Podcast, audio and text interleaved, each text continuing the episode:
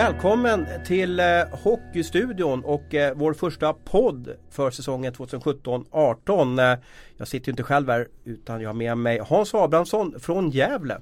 Ja, alltid lika kul att vara här Thomas. Sen har vi, eh, ska vi kalla det, är det en tryout?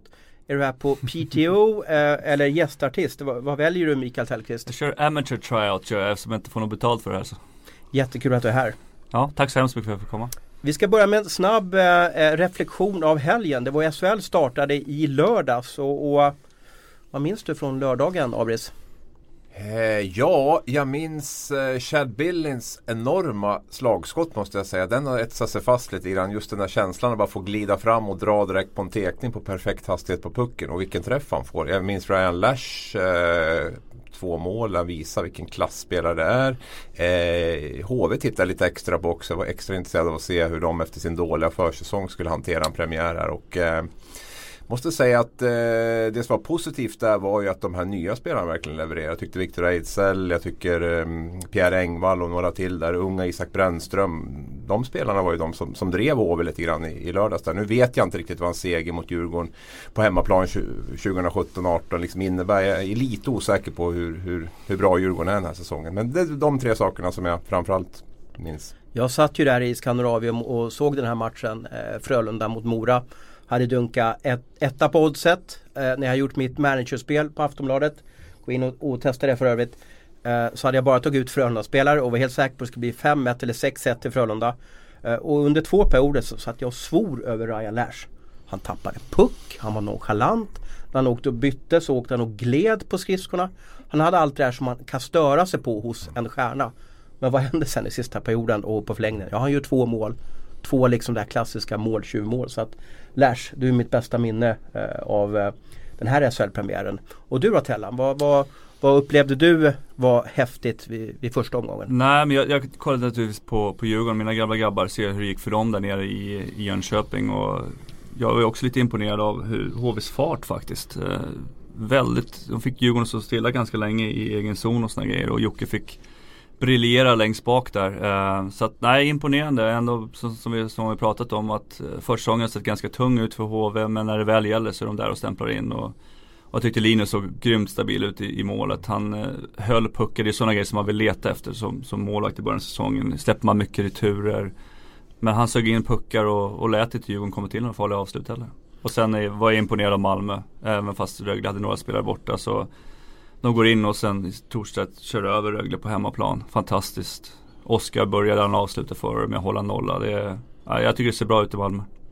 Det här är en podd som kommer handla om hockey och mycket SHL, mycket Hockeyallsvenskan. Vi kommer också prata om eh, landslaget under säsongen. Det är ju ett OS-år. Eh, vi kommer tillbaka till SHL senare i programmet så, så häng kvar. Det kommer att bli grymt mycket hockeynörderi. Men eftersom vi har en, en prominent gäst här i Mikael Tellqvist som är, är i en speciell situation i livet. Spelat hockey i många år, har just nu inget kontrakt utan, utan fokuserar lite på familjen eh, och, och funderar på framtiden. Och, och, då undrar man ju Tellan, vad, vad händer? Vad gör du? Vad gör du? Ska, du? ska du vara målvakt den här säsongen eller är det game over?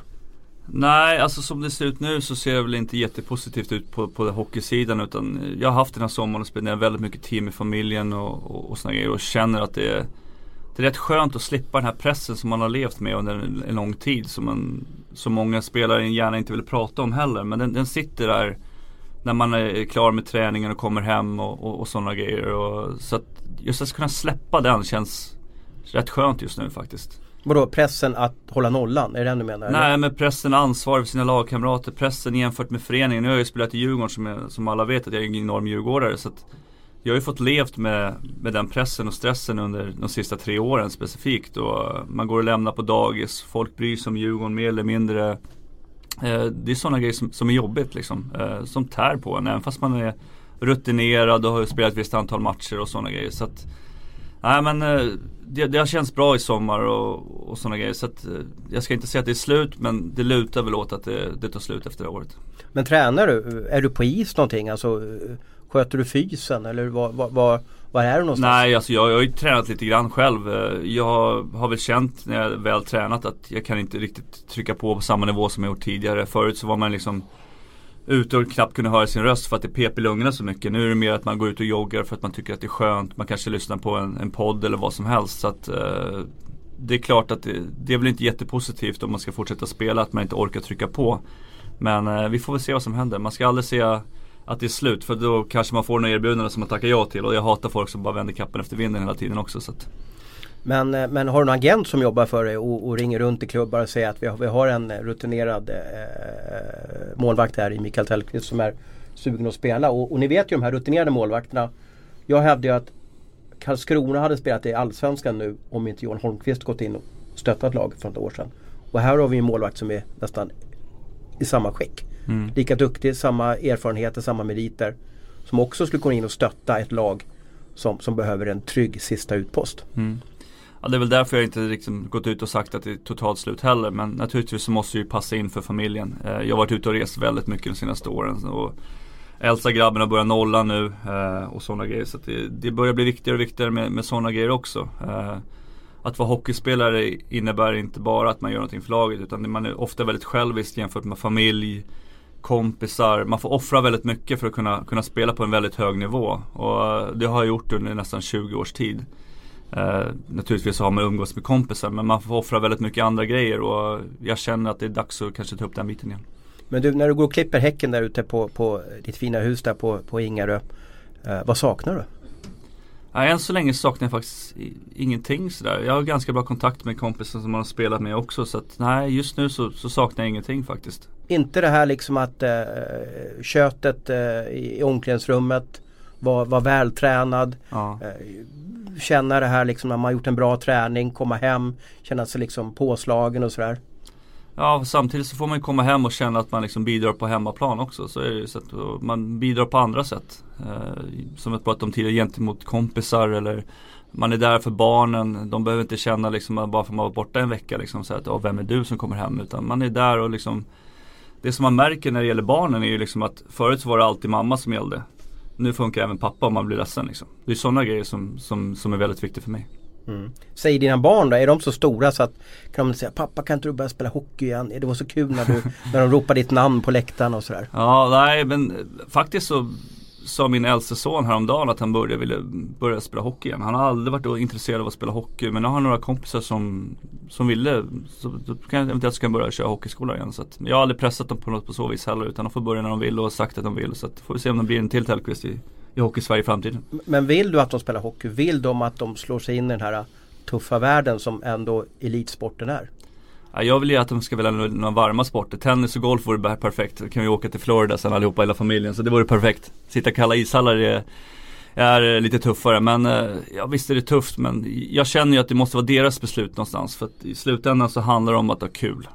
Och det spelar ingen roll hur mycket tid du lägger ner på någonting annat. Att har du inte kul så kommer du aldrig bli bra i någonting. Så är det. Vad kan få dig att uh, sätta på dig målvaktsbenskydden igen? Om Düsseldorf ringer exempelvis mm. och ger dig 200 000 euro netto. Kör du då eller är pengarna helt ointressanta? Det är klart att pengar alltid spelar in, så är det ju. Jag menar, kan man bygga en framtid för, för sina barn och sådana grejer så spelar det in naturligtvis. Men jag ska väl inte sticka under stolen med att, att jag, jag har fått ihop en ganska bra budget under mina år som hockeyspelare också. Så att, nej, jag skulle nog säga att det ska mer passa in på familjen. Och vad är det? Är det om, om uh, Reideborn går sönder i Djurgården eller, eller om, om AIK tappar en målvakt? Är det alltså en, en Stockholmsklubb som du är mest som skulle passa dig? Ja, nu ska vi inte svära och hålla på och prata om AIK här men uh, det skulle naturligtvis aldrig funka. Men, uh, du skulle aldrig kunna tänka dig att spela för AIK? Nej det, det går inte.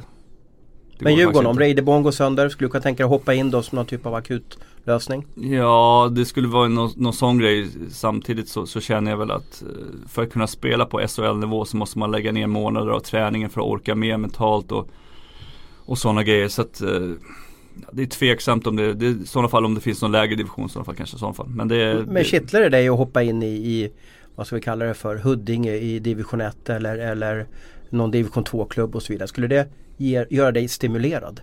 Nej det är det, det är det beslutet man måste ta om man får den frågan. Liksom, ska jag börja sätta mig och åka buss igen runt hela Sverige?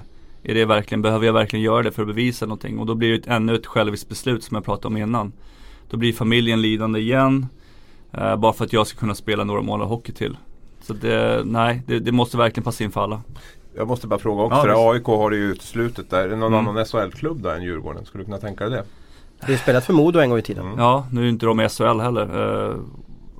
Uh, ja, om det finns någon klubb i närheten, jag vet inte. Finns, men det, nej, jag, nej jag, skulle nog, jag skulle nog ha svårt för det faktiskt. Det tror jag nog. Mm. Eh, du har haft en fantastisk karriär. Jag satt och, och googlade dig i, igår eh, på tåget hem från Göteborg och, och du har alltså spelat med Ed Belfour, legendaren, Stämmer? fantastisk målvakt som var i Leksand en gång i tiden. Eh, du har spelat med Bruce Galov i Phoenix. Mm. Du har spelat med Sudden, Foppa, Lidström. Kurs Josef får du inte glömma. Ja. Och du har haft eh, Wayne Gretzky som coach. Världens bästa hockeyspelare genom tiderna har alltså försökt att lära hockey till dig. Hur var det att ha, ha nummer 99 som tränare? Alltså Wayne Gretzky var ju, alltså, som alla vet, en fantastisk hockeyspelare. Alltså han kunde göra saker på isen som var, var löjligt bra. Men eh, han hade lite problem att vara, vara tränare och det märktes för att han inte stannade kvar som tränare under längre tid.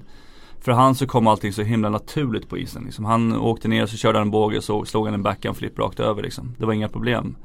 Så att nej, som, som tränare, bra människa, lugn, sansad. Men han hade problem att lära ut saker och ting. Jag tror att ibland så blir det så när man är för bra hockeyspelare själv att det blir liksom Allting kommer så naturligt liksom.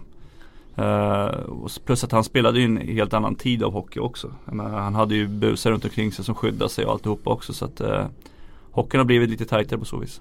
Kan det inte vara så Abris att, att är man en hockeystjärna så är det svårt att bli en bra hockeytränare? Jo men jag tror precis som, som, som Tellan är inne på här nu att om du har, jag tänker på Bengt-Åke Gustafsson också som var liksom kanske en, den skickligaste vi har haft nästan genom alla tider. Va? Det, det jag kunde höra med Bengt-Åke som tränare var ju just den här problematiken. För honom var det så enkelt och självklart att göra de här sakerna. Men, så han tog nästan för givet att, att alla andra också, det behövde man inte ens förklara utan det förstod alla. Och, och där tror jag också att det finns ett, ett problem. När man är för, för skicklig själv så har man nog svårare att lära ut för andra hur, ehm, hur de ska göra. Så att det, det tror jag också att det, att det är ehm, inte helt optimalt. Det låter ju nu Tellan så att vi närmar oss ett avslut på din eh, smått otroliga karriär. Vad, vad är ditt bästa hockeyminne? Alltså man kan alltid gå in och kolla på SM-guld och OS och sådana grejer men eh, vi hade en liten fest för mig för ett tag sedan här och Alla var klädda i vitt, var det så också? va, Eller? Nej det var, det var faktiskt, eh, det låter som att fester varenda kväll men det var faktiskt tre år mellan de festerna. Okej. Men eh, vi hade mycket hockeykompisar och nära familj som kommer över och, och firade en hockeykarriär. Eh, och Så du har haft avslutningsfest för din karriär? Nej, ja, vi har firade 20-årskarriär kan man Ah. säga. Så frugan har väl någonting i det där. Eh, så att, och då var det många människor som skickade videos. Och det är sådana grejer jag kommer ihåg. Att, eh, vad folk har tyckt om mig som, som människa också.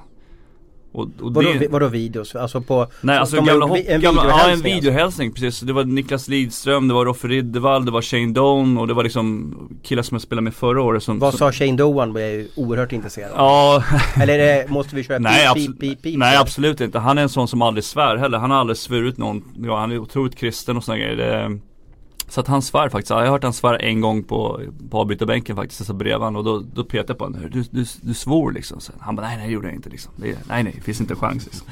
Gjorde han tio av Maria så var det klart.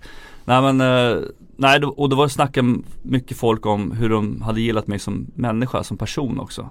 Och det var någonting som jag verkligen tyckte, fan vad häftigt. Har jag verkligen påverkat människor på det här sättet?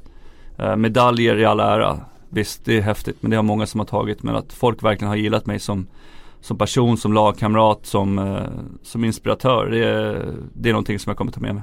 Och jag hänger med hur de tänker för att när du var i Nordamerika under Mm. många år så blev du ju aldrig riktig första målvakt utan Nej. du var ju tvungen att vara backup-målvakt. Mm. Och, och tar du inte an rollen att vara liksom Mr Nice Guy då Mm. som, som backup-målvakt Mm. så, så kommer det inte funka om du går i tjurig och sparkar i papperskorgen och så vidare. Så jag kan ju gissa hur de tänker i alla fall där. Mm. Du fick inte stå i mål så mycket Mm. men du, du höll lågan uppe, du var trevlig ändå. Mm. Vad, sa, Nej. vad sa Doan då?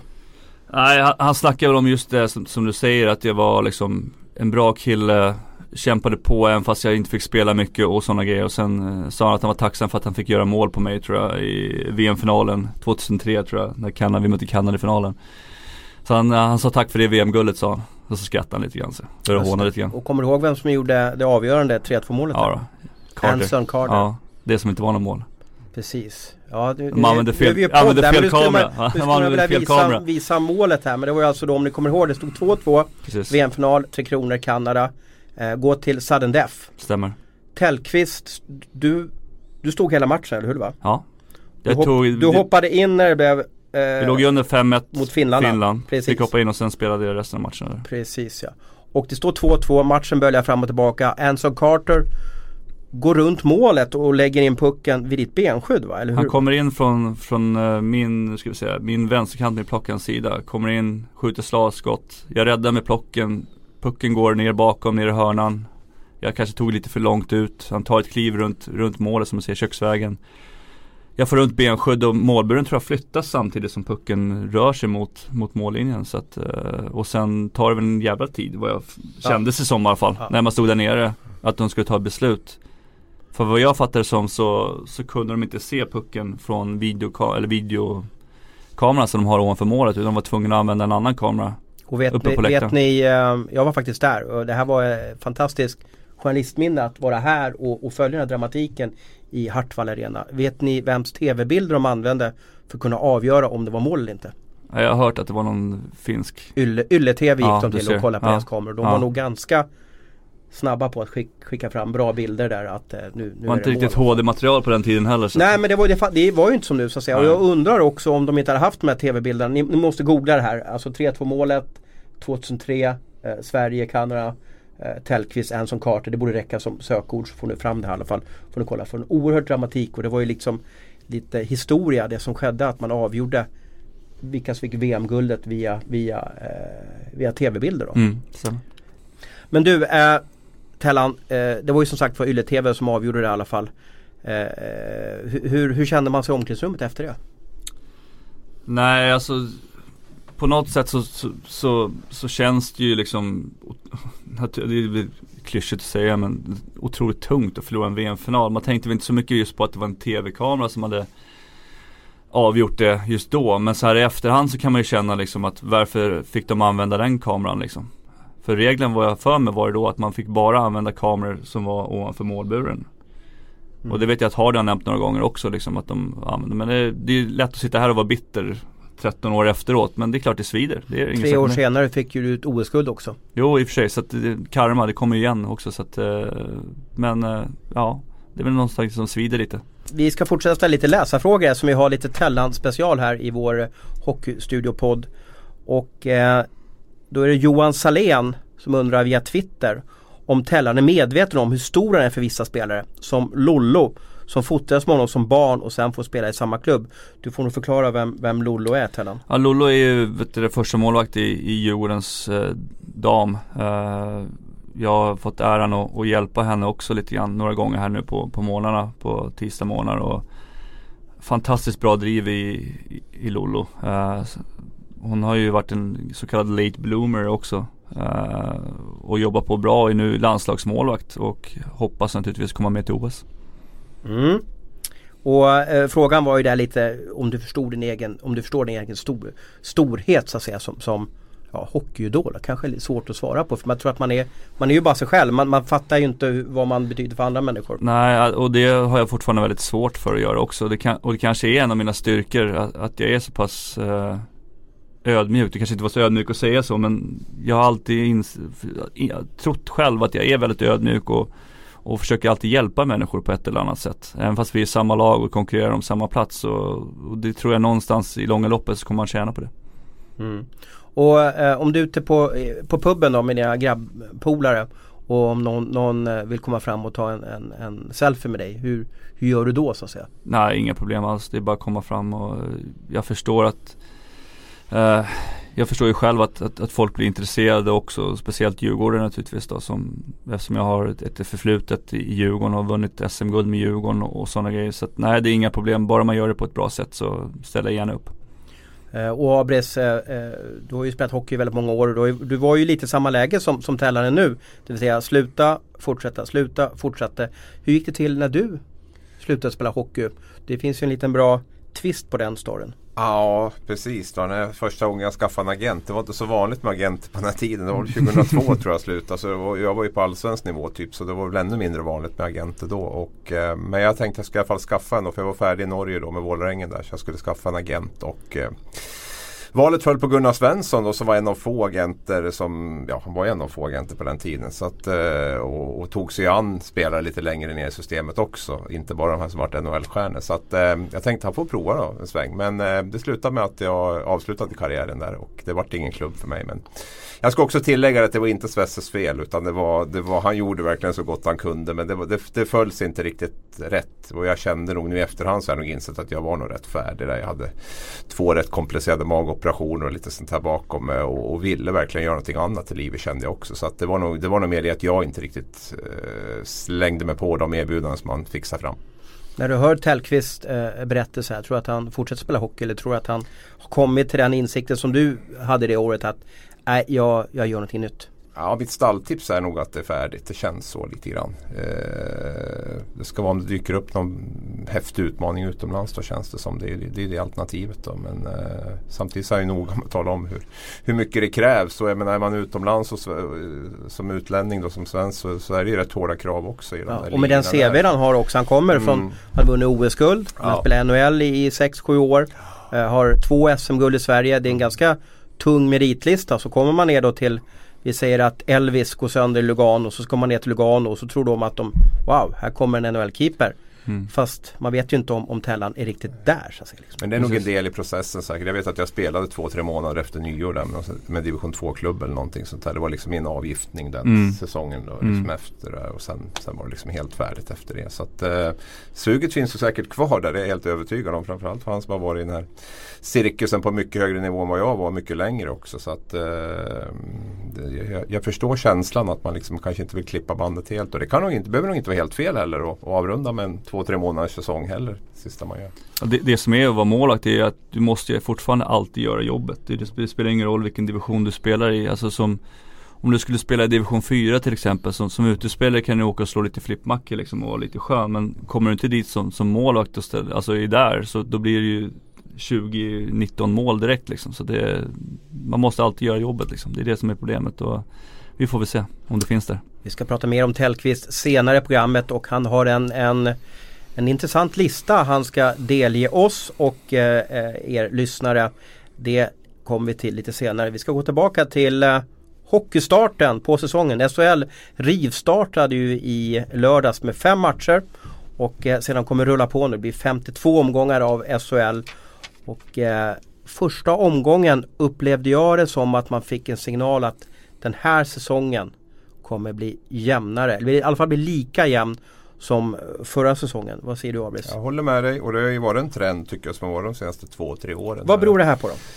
Ja, alltså någonstans är det väl kanske, det, det, är väl lite man känner när många lag är med så drar man lite grann automatiskt att kvaliteten har sjunkit lite grann. Det är väl som fotbollsallsvenskan där som det var under rätt många säsonger där när, när vem som helst kunde vinna egentligen så, så, känner jag lite grann att det beror lite grann på att de här allra bästa lagen har blivit lite sämre. Eh, det kanske är mitt negativa ja, det, det, här, det, det, är ju din, det här är ju din jävla butterhet ja. som kommer fram här. jo, jag förstod att du skulle ta upp det nu. Ja. Men, ja, men lite så kan jag känna och jag menar, jag har haft Skellefteå, Frölunda, Växjö lite grann som jag har känt de här tre som har varit riktigt, riktigt bra de senaste 5-6 åren.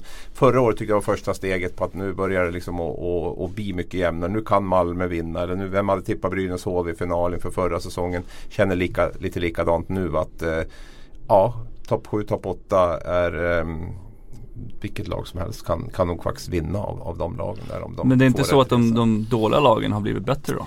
Är du med att de har Jo liksom men att de vad... tillåts bli bättre tror jag också är ett tecken på att de bättre lagen har blivit lite sämre. Eh, jag kan ha helt fel här men definitivt har ju de, har ju de sämre lagen blivit eh, Det har ju blivit liksom de sämre spelarna har ju också blivit mm. bättre i SHL. Det är ju en sån trend man har. Men jag, jag kan ju också tolka det som att de, att de sämre spelarna har blivit bättre. Jag har haft en enorm massflykt av spelare också. Jag mm. får ju lite grann att toppen av spelare har blivit sämre i SHL och det gör också att jämnheten mellan första och fjärde kedjan är mycket mindre. Skillnaden är mycket mindre där. Och jag, jag, ser lite samma tendens med lagen där. Vi kan ju liksom inte gå runt. Vi har fått hit en hel del nordamerikaner absolut. Men vad har vi i NHL? Nu är det 120 spelare. Vi har ja. 25-30 KL. tror det var 130 som är på försäsongsläge just nu. 130 mm. som är där precis. Vi har 25-30 KL. Vi har väl en 15-20 i Schweiz också. Det här är ju inte, det är ju inga dåliga spelare som är där. Utan Nej. det är absolut det bästa vi har. Men eh, därmed inte sagt att det behöver vara Det kan vara väldigt underhållande med mm. en jämn serie. Så att det kanske är där någonstans vi måste hitta. När vi inte har några riktiga spetsen av egna spelare kvar här hemma. Ja då är det kanske den där dramatiken och det var ju det fotbollsallsvenskan byggde mycket av sitt liksom.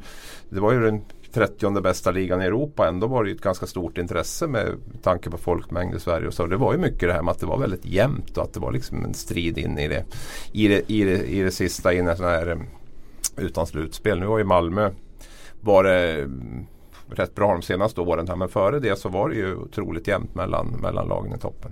Och där har ju fotbollsallsvenskan gjort ett jävligt bra jobb. Mm. Som, det, som, du säger, att de har liksom har sålt in idén just fotboll, atmosfär och sådana grejer. Och, och den här jämnheten ja, lite grann också. Att mm. det liksom inte finns. Jag menar det är väl Barcelona och Real Madrid i all ära. Men det är klart att spanska ligan är väl kanske inte den sexigaste att följa på, på rent spänningsmässigt kanske. Om vi tittar där. Mm. Du, när gjorde du premiär i det som hette Elitserien Tellan? 98-99 var min första säsong. Eh, jag tror jag stod på bänken året innan också, någon match där men eh, Ja det var då jag spelade den första matchen i alla fall. Hur jämför du högsta serien då med högsta serien idag?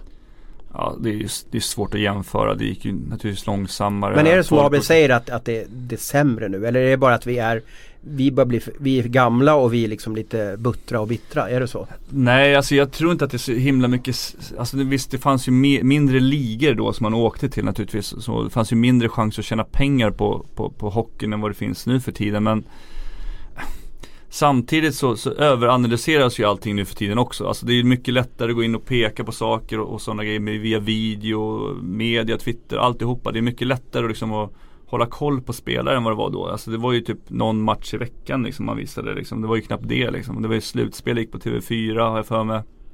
Då visade man i stort sett varannan var tredje match. Eh, annars var det ju Sportspegeln liksom, Sportnytt och, och sådana grejer som man fick se lite som highlights. Det var ju inte alls på samma sätt liksom. Så att eh, det, det är nog, finns lite olika. Det jag menar också är väl att den individuella skickligheten har ju sjunkit. Alltså sen är mm. de ju mycket bättre tränade nu. Det går mycket fortare och liksom den biten. Professionellare mm. på alla sätt och vis. Materialet mm. är ju hundra gånger bättre liksom mm. med klubbor och allt. Alltså, så det är klart att jag, för, det här, det kan inte, jag kan inte köpa det för att alla har väl bättre teknik idag. En hockeykille idag har väl bättre teknik än en hockeykille hade eh, Ja när du gjorde premiär där. Mm. För att man, eh, man har mer skillsträning idag. Och alla är bättre på skridskorna, eller hur? Det kan vi väl slå fast idag än för snabbare, ja. 20 år sedan. Var, varför har det då blivit sämre? Jo därför att den individuella skickligheten har ju förflyttats från det här landet till, till andra ligor på ett helt annat sätt. Dessutom hade vi väl 10 lag i SHL på, på, mm. på den tiden också. Nu är det 14 lag där uppe också. Så det har gjort att det krävs ännu fler spelare att fylla på med för att få ihop ligan. Och, eh, och dessutom har vi den här flykten som har varit nu. Så det var, jag vet inte vad det kan vara på din tid, 15, 15 spelare i NHL eller någonting ja, sånt där? Ja, Kanske det ens. Men det, det, var ju bara en, det var ju egentligen NHL och SHL som man skulle spela i. Ja, KL fanns ju inte ens. Schweiz var lite så här ölliga på ja. den tiden. Man gick, till, man gick till Schweiz när, när karriären började liksom dala och ja, man hade ett ja, bra precis. namn. Fanns, Tyskland fanns väl men det var ju så här, typ AL fast tio gånger värre. Folk slogs liksom. Amerikaner som kom över också och drack öl liksom och spelade. Så det, det fanns inte så mycket annat att spela i. Så antingen så var man en öl eller så spelade man i SHL liksom. Så att, men sen är det ju så, skulle ett SHL-lag möta det bästa elitserielaget för 20 år sedan så skulle väl SHL-laget vinna idag. Det är jag mm. alldeles övertygad om. Men nu jämför jag någon sorts liksom, perspektiv på, på nivåerna. Och ta hänsyn till det som har hänt under de här 20 åren. Mm. Så det, det, är mer så jag tänker runt. Att, eh, kvaliteten är ju inte riktigt densamma som den var för 20 år sedan om man, om man räknar in den här, det som har hänt under, under den här tiden. Är det en roligare hockey idag då Tellan? Vi är ändå faktiskt i underhållningsbranschen. Det, det, det som man ska säga är att SHL är ju en liga där det är otroligt mycket fart. Jag skulle säga att det är nog den, den liga i världen som man åker mest skridskor i. Om man jämför med NHL och KL och sådana grejer. Så att det går väldigt fort där ute. Ibland kanske lite för fort. Så är det ju. Det är därför vi har lite huvudtacklingar och sådär som vi tvingas dessvärre fokusera på. Ja, det är, no, det är en annan fråga som man kan ta upp någon annan gång. Alltså det är, ibland så, jag tycker det är jättetråkigt med alla som får huvudtacklingar men tyvärr så är det så. Sätter man sig i en Formel 1-bil så får man tyvärr räkna med att ibland så kommer man göra sig illa liksom. Men, men, för att jämföra hockeyn, jag menar KL mer teknisk, mer skicklig på så vis. Eh, där har du fyra linjer som egentligen kan producera. SHL så, så har du kanske inte det men jag tycker fortfarande SHL är otroligt underhållande. Eh, folk bryr sig om den, folk liksom blir engagerade när folk förlorar. Eh, det skrivs mycket om den på alla sätt och vis. Det finns poddar och alltihopa. Så att det, nej, jag, jag, tycker fortfarande att det är en väldigt bra liga. Uh, jag tycker vi, om vi höjer upp den lite till, jag menar, det, folk vill ju ändå komma hit och spela på något sätt. Och det, det är bra arenor och jämfört med många andra länder. Så att, uh, jag gillar SHL på något sätt. Det, det, det engagerar på något sätt. Mm. Jag vet att du såg eh, eh HV Djurgården där från, från i, ja, i lördags då. Vad, vad, vad hade du för känslor när du slog av tvn där vid 18.00? Ja, då var jag förbannad för att Djurgården förlorat. Men var det, var det mer i matchen du tänkte på? Oj, den, den här killen var duktig eller den där målvakten var, var intressant eller hade du något, något, något speciellt som du tog med dig? Nej men alltså, naturligtvis så tittar jag mycket på målvakten men som jag sa här i, början av podden också jag tittar mycket på hur Linus kommer hantera Linus Söderström, ja, Linus Söderström kommer hantera det som han gick igenom förra året och inte helt olikt mig att komma från, från någon, ingenstans i stort sett och sen gå och bli SM-guldmedaljör. Och andra året är tufft. Men han såg väldigt stabil och lugn ut och höll puckar och det, det är sådana grejer som jag, man ser om en målvakt i, i med matchen eller inte. Blir det mycket returer, ja då kanske han inte har en bra dag. Men han sög in puckar, kände sig lugn och, och, och sådana grejer. Så att, nej, det, det såg imponerande ut. Det måste jag fråga också, känns det inte jäkligt tufft att se honom i HV-tröjan?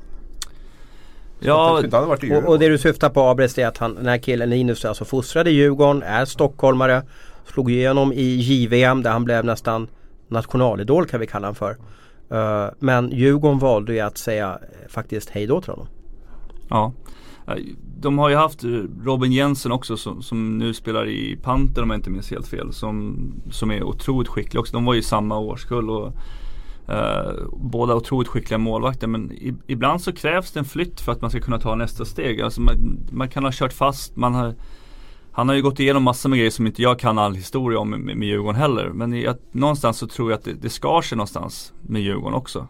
Uh, jag vet inte vad som hände, det, det låter vara osagt men uh, det är inte säkert att om Linus hade spelat i Djurgården förra året hade han tagit SM-guld utan han hamnade ju rätt liksom. Han hamnade rätt i HV. De, de tog hand om honom uppenbarligen på ett bra sätt och gav honom lugn och ro i början av säsongen. Han spelade inte alla matcher. Han fick liksom jobba. De fick bolla in honom. Och, jag menar, hade han varit i Djurgården förra året med mig där vi spelade kniven mot strupen från match 1 till match 54 så är det inte säkert att han hade haft samma utveckling. Men eh, jag är otroligt glad för Linus skull och eh, han är välförtjänt att han vinner. Och tänk dig då mardrömmen om han hade varit i Djurgården. Du hade varit uttalad förstemålvakt. Han har hoppat in, släppt fyra, fem kassar. Mm. Vet man, han kanske varit arbetslös idag då? Ja, jag menar det finns ju målvakter nu som sitter utan, det har ju Mantas Armani som sitter utan kontrakt nu och otroligt skicklig målvakt. Så det handlar inte alltid om att man är en duktig målvakt. Det handlar om att man ska passa in någonstans också. Så det, det gäller att ha lite tur också under sin resa som, som, som hockeyspelare. Det, det är mycket hårt jobb men man ska ha lite tur under tiden också. Att man är på rätt plats vid rätt tidpunkt. Du signade ganska tidigt eh, eh Tellan med, med Nordamerika här. Eh, hade du lite stolpe ut i din NHL-karriär? Det vill säga att du fick aldrig den där klubben som, där du var tokensam om att stå mål? Nej, på, på något sätt så, så, känner jag väl att liksom eh, man, man, skapar liksom sin egen karriär på något sätt. Du kan inte sitta här och skylla på att någonting annat. Jag hamnade i Toronto vilket var en stor marknad på den tiden. Det fanns inget lönetak. De kunde köpa vilka spelare de ville och alltihopa. Det var bakom Ed Belford den året. Ed ja. Belford. Jag hade Curtis Joseph första året till och med. Så det är bara All-Star-målvakter. Och sen hamnade jag bakom Ed Belford. Uh, det man inte ska glömma bort är också att jag var, blev ju draftad då när Pat Quinn var general manager. Och sen under mina sex år i Toronto så tror jag vi bytte general manager två gånger. Och ofta så funkar det så där borta, även fast det tillhör organisationen så kommer en ny general manager in, då vill han sätta sin prägel på laget, då tar han in sina killar. Och eh, då tar han in sina målvakter och då, då blir det liksom att man puttas längre och längre bort också och får mindre och mindre chans. Så det får man inte glömma att det, det är sådana grejer som spelar in också. Mm. Får se hur det går. Linus kan ju gå samma resa. Han har ju redan signat kontrakt med Islanders mm. och utlånat till HV71. Så det här är förmodligen sista året som han är i Sverige. Sen får vi se hur det blir i Islanders. Om man har tur att göra som Henrik Lundqvist, komma in och bara är jättebra och inte har någon tuff konkurrent som har ett eh, fantastiskt kontrakt. Det är oftast det det går på. Eller om det blir liksom att han får någon, någon kille framför som, som, som det blir tufft att, att slå bort och då, då kan man ju ha en karriär. Då gäller det att orka göra som Johan Hedberg lite. Vara mm. kvar, slita och kämpa då. Det får ju framtiden utvisa. Vi ska ju stanna vid HV71. Uh, eh, på försäsongen var de SHLs sämsta klubb. De kom sist i den här så berömda försäsongstabellen som en del bara vill kasta i papperskorgen men en del tycker det här är jätteviktigt.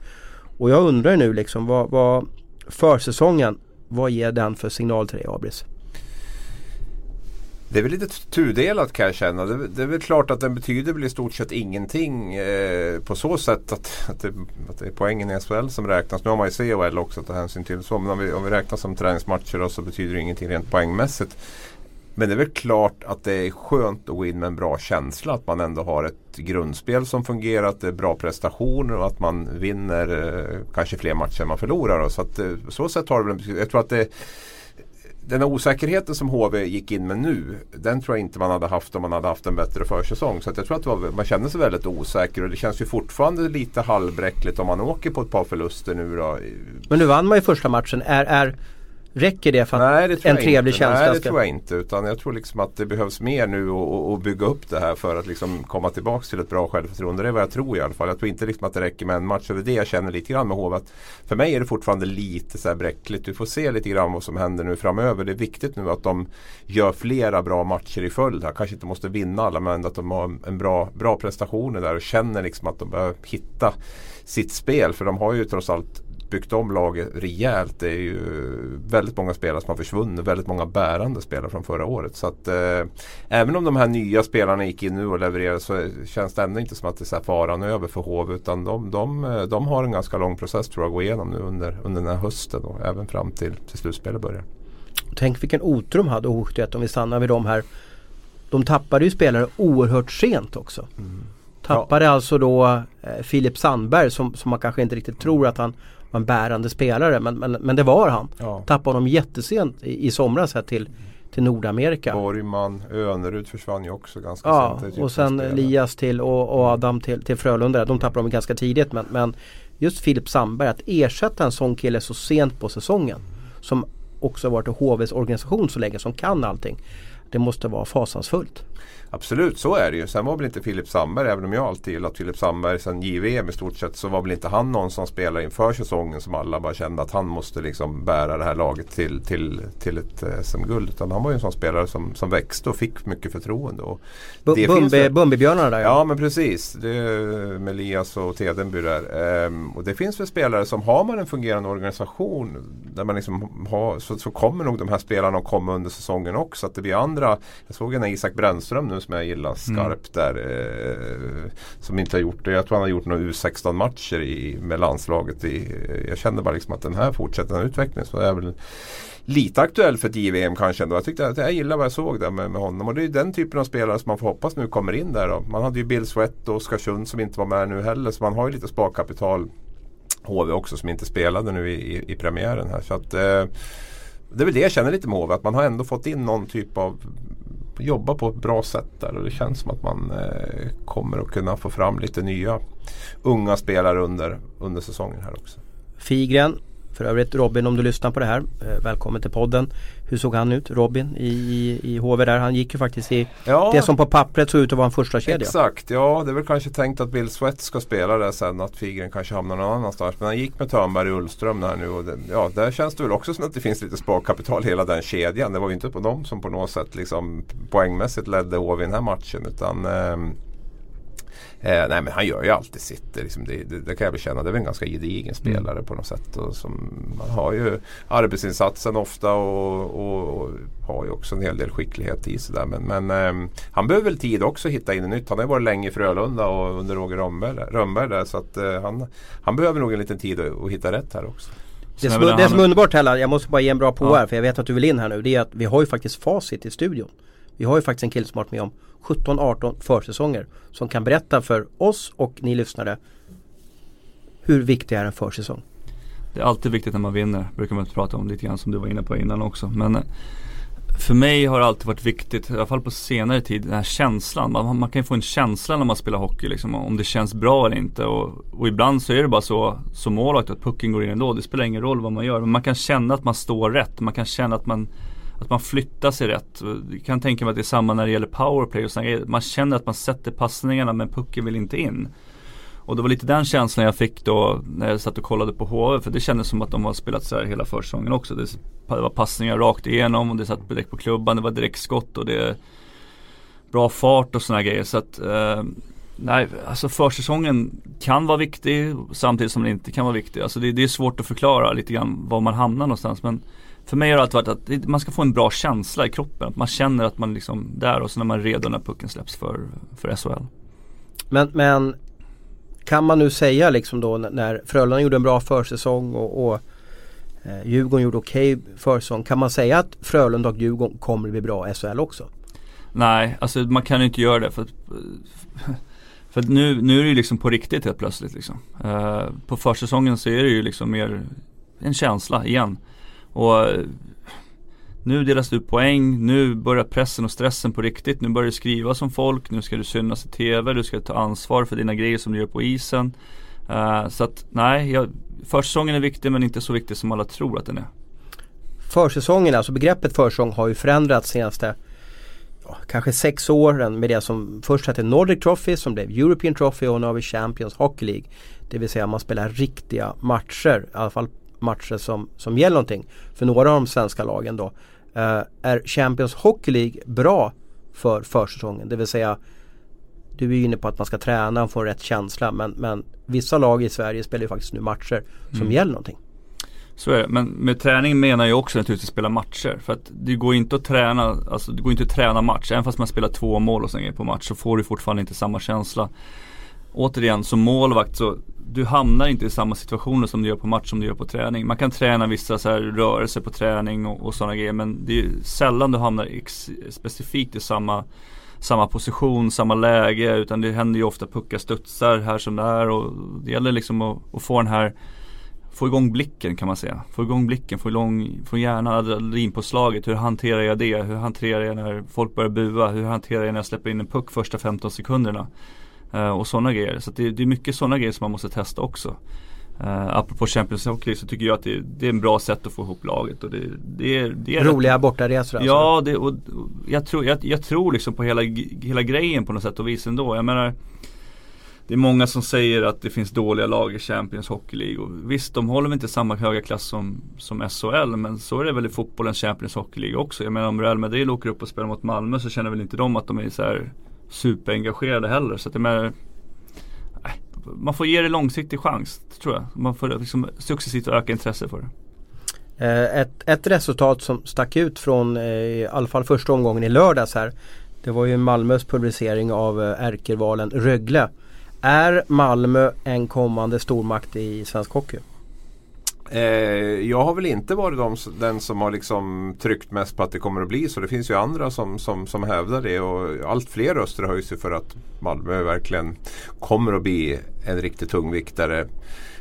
Jag är väl inte riktigt där än. Alltså jag, det är möjligt att jag underskattar Malmö hårt liksom och lite märkt av historien där. Jag tycker sen liksom de här dubbla gulden 92-94 så har det ju varit väldigt rörigt och man har inte levererat när man, när man har varit, haft, varit favoriter och man har haft dåliga nyförvärv och lite sådär. Så det är möjligt att jag liksom lever kvar i det lite grann. Jag märker ju också naturligtvis att det är mycket som har blivit bättre där. Att man har en helt annan stabilitet.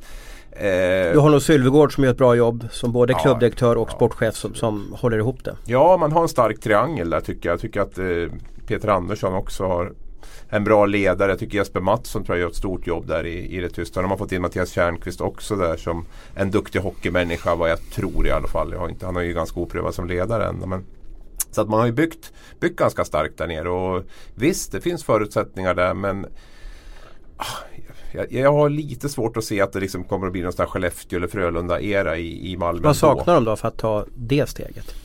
Ja, det är ju det är ju lite grann det där finns det där riktiga draget i Malmö runt hockey. Jag, jag vet 17 liksom om det, om det, det är möjligt att det kommer om man blir väldigt, väldigt bra. Men jag, jag, jag har lite svårt att och se det där riktiga liksom, intresset runt klubben och det där att man ska, att man ska liksom nej. Fast det var ju bra med folk i, i lördags. Ja, Nu- nu- nu var det- ja. 9000 eller någonting i ett derby mot Ja Rögle. men då spelade väl Malmö samma dag också va? Gjorde de inte det? Nej de spelade igår gjorde de, fel av mig. Ja. Eh, men ändå så 9000 på en Malmö-match i Ja. september tror jag man får vara nöjd med för att det är ju faktiskt en fotbollsstad. Mm. Men jag håller med, kanske Rögle såklart tror jag fortsatt. Vad, vad säger du om Malmö, Tellan? Nej jag, jag gillar ju Malmö alltså på något sätt. Jag tycker också att man har byggt upp ett, ett bra stabilt lag. De har börjat bakifrån med två bra målvakter som är stabila på isen, stabila utanför. Bara det skickar rätt signaler tycker jag. Eh, tar in rätt killar. Det känns som att de värvar in de har någon tanke med hur de värvar lite grann. Att de, de tappar en Hur, hur skicklig tänker du då? Det jag tänker på, om de tappar en, en spelare som Noah Wells så försöker de fylla ungefär liknande position med han. Lite grann som Detroit gjorde när de var bäst. Liksom. När Chris Draper försvann så tog de in en, en Chris Draper typ. Är du med? Bara för att liksom fortsätta med samma, samma tänk som de har haft tidigare. Det är lite så jag tänker det. Mm.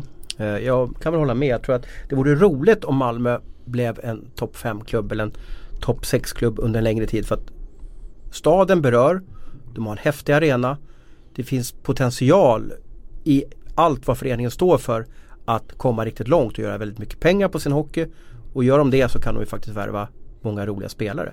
Så jag tror att vi behöver Malmö. För jag tror att Malmö kanske berör lite mer, kanske elakt mot alla Ängelholm, än vad Rögle gör i alla fall. Ja, Ängelholm har ju också, eh, berör ju väldigt nära där. Men som du säger, storstäder eh, engagerar ju alltid på något sätt. Va? Det triggar ju landsbygden också lite grann det här med Stockholm, Malmö, Göteborg. Det blir, det blir ju liksom snabbt ett lite och Skåne också där nere, Skånes huvudstad på något sätt. Så att Malmö skapar ju känslor på ett annat sätt än vad många andra SHL-lag gör. Det är inget snack om det.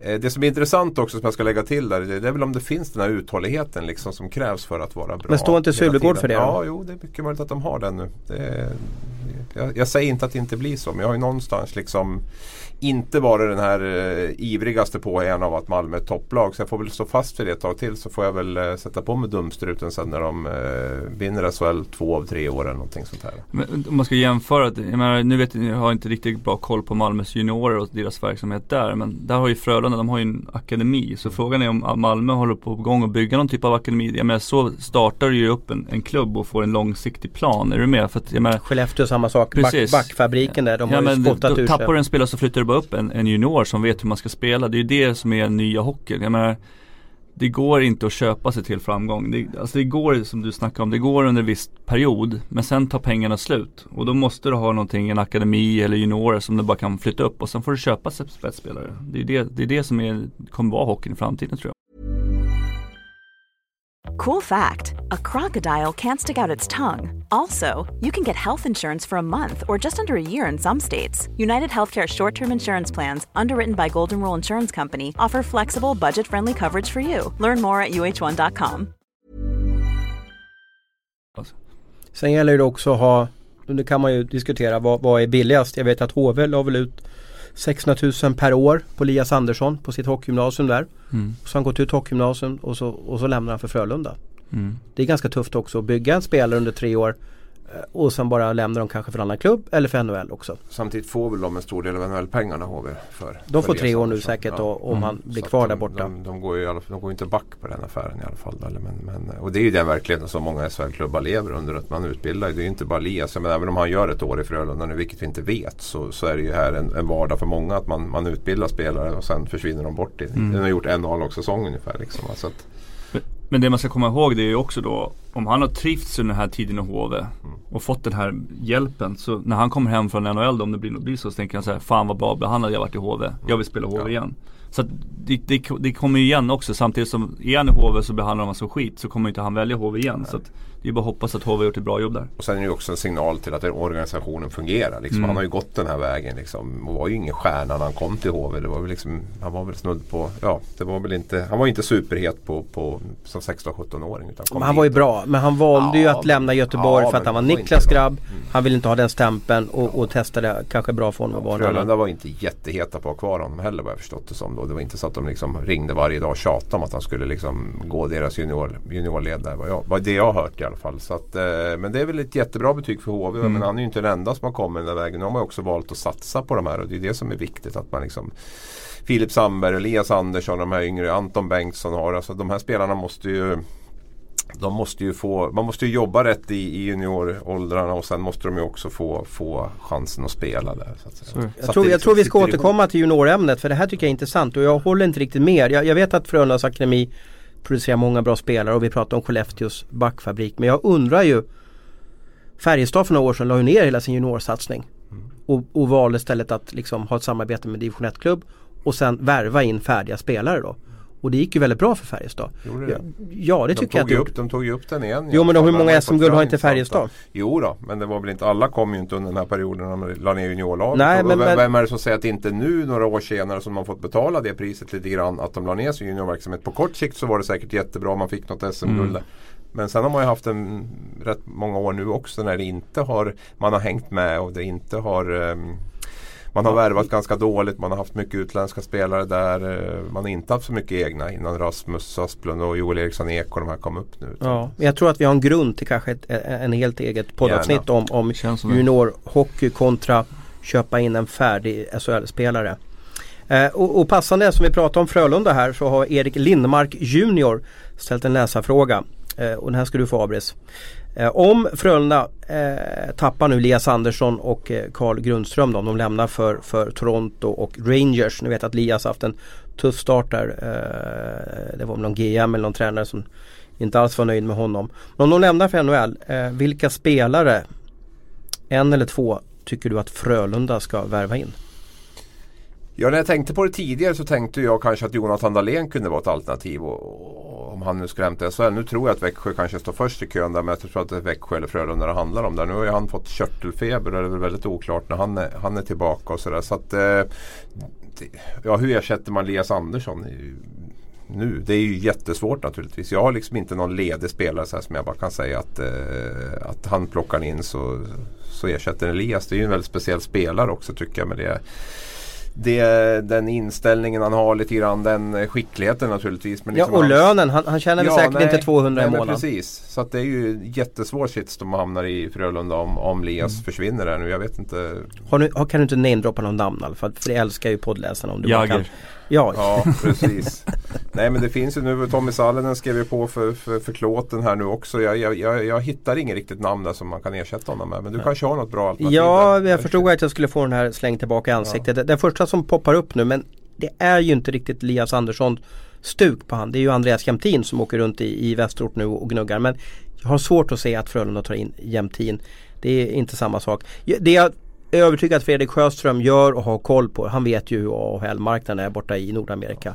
Han kommer säkert ta in en, en eh, kanadick 24-25 år som har kört i AHL några år och som börjar fundera på nej jag måste åka över till Europa och, och samla lite ny kraft. Men, men att och, och, och ta det namnet det är ju så svårt i alla fall. Nej men de, de sitter säkert lugnt i båten som du säger. För jag menar camperna tar ju slut här i början av oktober. Då kommer det säkert få några spelare som sitter på kontrakt som inte vill ner till AHL och ser de, så ser de upp och så får, kanske finns någon riktigt skicklig som är på gränsen till NHL men inte vill spela AHL som vill över. Så att det finns då spelare. Och innan vi släpper, du ska få en följdfråga eh, Tellan här på Lias och, och Karl. Men, men kan vi reda ut begreppen här för alla Frölunda-fans kanske i första hand som är intresserade om vad gäller med Elias och Karl? Vad är det som avgör och bestämmer om de ska bli kvar i Toronto och, och, och Rangers eller om de ska hem till den klubb i, i SHL som de har kontrakt med, det vill säga Frölunda. Det är ju ett avtal där mellan SHL och de tillhör ju de här klubbarna. Sen finns det ju ett avtal där att, som gör, ger NHL-klubbarna, alltså om de är draftade i första rundan så har ju klubbarna fortfarande rätt att behålla dem oavsett om de hamnar i AHL eller vad det är. Är man rankad andra, eller draftad andra runda och neråt så ska de ju hem till Sverige. Det vill säga Rangers får inte skicka ner Lias till, till Hartford utan han ska ner till, till Frölunda, ja precis ja. Ja, då har väl Grundström, ja, Grundström ska väl hem Ja. om, om, eh, om, eh, ska väl hem om man inte blir eh, om man inte spelar NHL. Mm, precis ja. Men, men Elias är väl en första runda så han har väl, har väl han äger li- han Rangers äger helt och Rangers. hållet, ja, precis. Ja. Så att det är väl det, det som är skillnaden. Sen är det ju, det där är väl lite också. Jag menar, du kan ju inte tvinga hem en spelare. Vi gör ju inte så i Sverige. Mm. Jag menar, känner Grundström liksom att jag vill fan vara kvar. Jag tror inte Frölunda sätter hårt mot hårt där heller. Liksom, även om det står så i avtalet. Jag vet inte vad man har att vinna på det riktigt om jag ska vara helt ärlig. Nej. Ja, Och om jag kan, ursäkta Tellan, Mm. om, om jag kan reglerna rätt så kan de alltså nyttja dem nio NHL-matcher. Sedan måste de bestämma sig om de ska om första kontraktsåret ska ticka in eller om man ska dra handbromsen och skicka tillbaka dem till SHL. Så det här är ju en mardrömssituation för Frölunda för det innebär att nio NHL-matcher, ja då kanske vi, i, kan vi vara inne i första november. Eller något liknande. Mm. Och då har vi tickat på ganska många matcher i SHL också. Mm. Så det, och, och sen kan de också göra så att de ska vara dressade nio NHL-matcher. Så det kan ju vara precis som vid Joel Eriksson Ek. När kom han hem i fjol? Det var alltså ja, januari eller någonting. För de valde ju liksom att hålla ut han så länge med de här nio Ja, det vart ju strul med hans arbetstillstånd och grejer. Så han debut- tog en tid innan han debuterade och grejer. Så det drog ut på tiden väldigt. Mm. Men ni vet de kan ju liksom om de är smarta Mm. eller vill vänta och se Mm. exempelvis Rangers med Elias. Så kan de ju hålla ut honom till i december. Och då är det tufft för Frölunda och vad ska de göra? Det jag tänkte ställa frågan till dig Tellan det är lite vad tycker du att Elias och Karl du, det räcker med om du väljer en spelare. Vad ska de göra? För du har ju varit i det här läget också att du har varit en lovande ung hockeyspelare och valde att åka över till NHL. Men vad ska man tänka på innan man åker över? Hur redo ska man vara för världens bästa hockeyliga? Och är det smart att stanna kvar ett år till? Jag gillar ju när man stannar kvar där borta för att skicka med lite signaler på att man är redo att betala priset och spela på liten rink. Det är lättare för NHL-klubben att hålla koll på en, eh, få feedback och sådana grejer. Eh, men det, det är ju min personliga uppfattning och jag tror att NHL-klubbarna känner då så också ibland när folk åker hem att det säger, "Ah, ja nu åker han hem till Europa och tycker att det är lite lugnt och skönt hemma i ankdammen Sverige. Eh, Mysigt. ja precis och på något sätt så, så, så tycker jag att man ska stanna kvar och kriga på lite grann och visa liksom att fan nej det här, är- ni gjorde fel beslut liksom. Och, och vi pratade ju om här tidigare om, om SHL, det, det, är en, det är en väldigt annorlunda hockey också. Att komma hem och spela på stor rink, väldigt mycket skridskoåkning, där borta liten rink, mer tacklingar, mindre ytor, du måste skjuta mera så att det beror lite på hur man ser sig själv som hockeyspelare också. Alltså är man en sniper så kanske man ska vara kvar där borta för att lära sig vinklar och sådana grejer. Är man en skridskoskicklig back kanske är skönare att komma hem till Sverige och, och få åka mer skridskor och sådana grejer. Så det, det är lite individuellt men med, jag personligen tycker att man ska stanna kvar där borta och, och kriga på i AL. Ja. Ja, har man väl bestämt sig för att åka över så tycker jag också det. Sen kan jag väl tycka att jag, jag beundrar de här som, som ändå har is i magen och väntar med att åka över. Att när man liksom åker över så går man all in på det. Men man, man väntar tills man känner att man är mogen Mm, att åka över. tycker jag Det kan jag ju känna att Mm. eh, men när man väl har tagit steget där då ska man nog stänga den där dörren hemåt och inte tänka att ah, men funkar inte det här ska jag ju åka hem. Liksom. Utan då är det nog då är det nog bara att köra på det, det kan jag tycka. Och jag funderar ju på, och, och, eh, skulle vi haft en givetvis en bannad intervju med, med, med Elias här men det har vi ju inte. Men jag undrar bara hur, hur han känner sig. Nu får han ju se allt godis där borta. Han får flyga med Rangersplanen. Han får spela på Madison Square Garden. Han får byta om med Henrik Lundqvist. Han får åka eh, första klass till alla bortamatcher som du gjort i massa år Tellan. Och sen bara, nej, nu ska du hem och åka buss upp till, till Mora för en bortamatch. Hur fixar man det där? Ja nu har jag aldrig gjort det själv heller men eh, det, det man ska komma ihåg är att det är väldigt annorlunda där borta. Du kommer till campen och här, i- här i SHL så har du 22 spelare eller vad det är som är, ingår i truppen 24. Där borta när du kommer till campen så är det 60-70 spelare som är under kontrakt. Och även fast du är i en första runda då kommer du få mer chanser eh, under längre tid. Men det spelar ingen roll för det finns någon annan som är där och slåss för sitt liv liksom. Och vill ha din plats mer än någonting annat. Det är väldigt annorlunda. Och, och som målvakt till exempel, så du, har, du kommer in till campen så är det sex målvakter under kontrakt och alla är riktigt bra. Mm. Det är också en chock. Det var en chock för mig när jag kom över. Jag hade spelat landslag och var, spelat VM och hade vunnit två SM-guld och sådana grejer. Så helt plötsligt ska man liksom slåss mot någon som man aldrig hört talas om själv. Man kanske tyckte att man var lite bättre än vad man egentligen var. Mm. Och så är det någon som står och talar om för att nej det där är ju fel, du är ju dålig. Fan nu börjar vi om på nytt liksom. Och det, det, det är tufft. Eh, jag tror någonstans att man måste förbereda sig på på att det är väldigt tufft där borta. Det är väldigt annorlunda. Tränarna är tuffare, de bryr sig inte lika mycket om det. Det är inte mycket den här liksom klappa på ryggen att nej men nu kämpar vi vidare imorgon. Utan nu, nu gör ditt jobb annars skickar vi dig till AL liksom. Det var ju också intressant där deras spelarchef då, Gordie Clark som går ut och ja, i princip såga Elias Anderssons Mm. första camp här. Varför gjorde han det? Ja, det tänkte jag fråga Tella. Ja, vi har, vi, vi har ju facit här Ja, Mm. 18-årig Ja, kille precis, som facit. kommer över dit. Så Mm. eh, är det Upplever du det som relativt normalt eller vart du också lite förvånad över att Ja, man jag kan väl tycka sig? att det är lite konstigt eftersom det är hans första camp. Han har precis blivit draftad. Eh, det, det brukar vara lite mer gulligull med de första rundorna på så vis. Så att, nej, det är klart att det är Vad har han för baktanke med det? Det måste, för det måste ju ja, varit Alltså planerat. klassiskt, de vill bara veckan säkert.